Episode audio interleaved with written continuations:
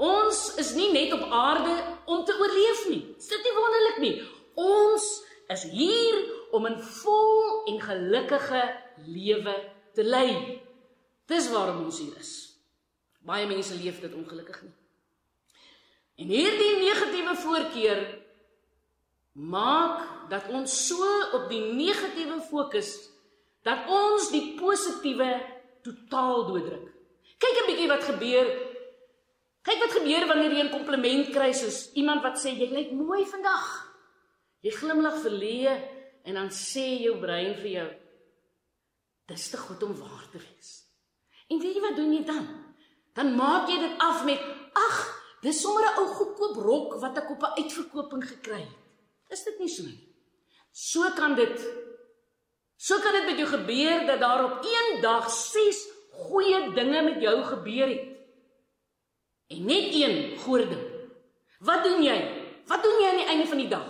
Kan ek vir jou sê, jy vroeg oor die een slegte ding en jy vergeet totaal en al van die 6 lekkeres wat jy gehoor het. Of jou baas gee vir jou goeie terugvoer op jou werk. Maar hy noem 'n hele bladsy vol dinge wat hy waardeer en net een ding waaraan jy 'n bietjie aandag kan gee. Nou vra ek vir jou, wat is jou reaksie? Jy gaan huil in jou kantoor oor daardie een klein dingetjie. Kan jy sien dat ons natuurlik bedraad is om negatiewe gedagtes uit proporsie op te blaas, veral wanneer ons stres in ons lewe beleef.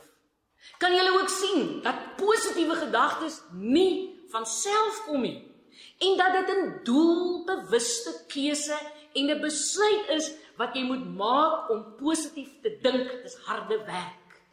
Maar hier is die goeie of die stukkie goeie nuus.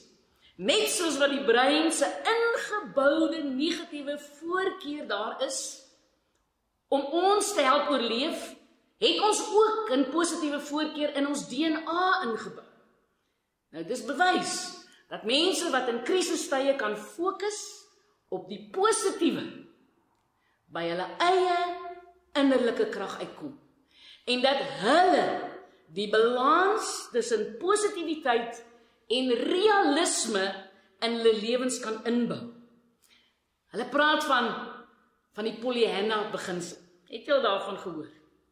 Die van julle wat nou al oud genoeg is, sal onthou van die dogtertjie in Eleanor Porter se kinderboek Pollyanna. Pollyanna wat in 1913 verskyn het. Kyk, Pollyanna was 'n weeskind wat na haar pa se dood by 'n kwaai ou jong tante moes gaan bly. Haar pa het haar geleer om die glad game te speel. Sy moes in enige moeilike situasie iets kry om bly te wees. Sy het die speletjie gebruik.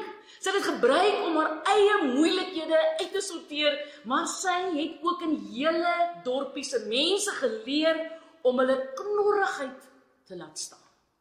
Gaan kyk gerus die fliek op YouTube. Ai man, dit sal jou laat lag. Sal jou ook laat huil. Die vraag is nou, hoe keer ek dan die negativiteit my energie tap? Kyk, die eerste stap is om realisties te wees met wat in jou kop aan. Nou is ons weer terug by die 12 tot 60000 gedagtes wat elke dag deur jou kop maal. Hæ? Kyk, julle weet almal hoe werk 'n rekenaar. Hy het 'n harde skyf waar hy inligting stoor. Maar dan het hy ook RAM of random access memory. Ek weet nie of enige iemand weet uh dat dit LSG in Afrikaans is nie en dat die G staan vir geheue. Nou, dis die rekenaar se brein waarmee hy moet somme maak. Nou as jou RAM begin opraak, is dit tyd om jou laptop hospitaal toe te stuur om hom te format of skoon te maak. Anders stuur jy af op 'n ramp. Maar weet julle, ons dink glad nie daaraan dat ons brein ook 'n skoonmaak nodig het nie. Weet jy wat ons laat die bekommernisse en doen dinge ophoop in ons koppe en tot so tot so oorweldig dat ons letterlik nie kop bo water kan hou nie. Dis wat ons doen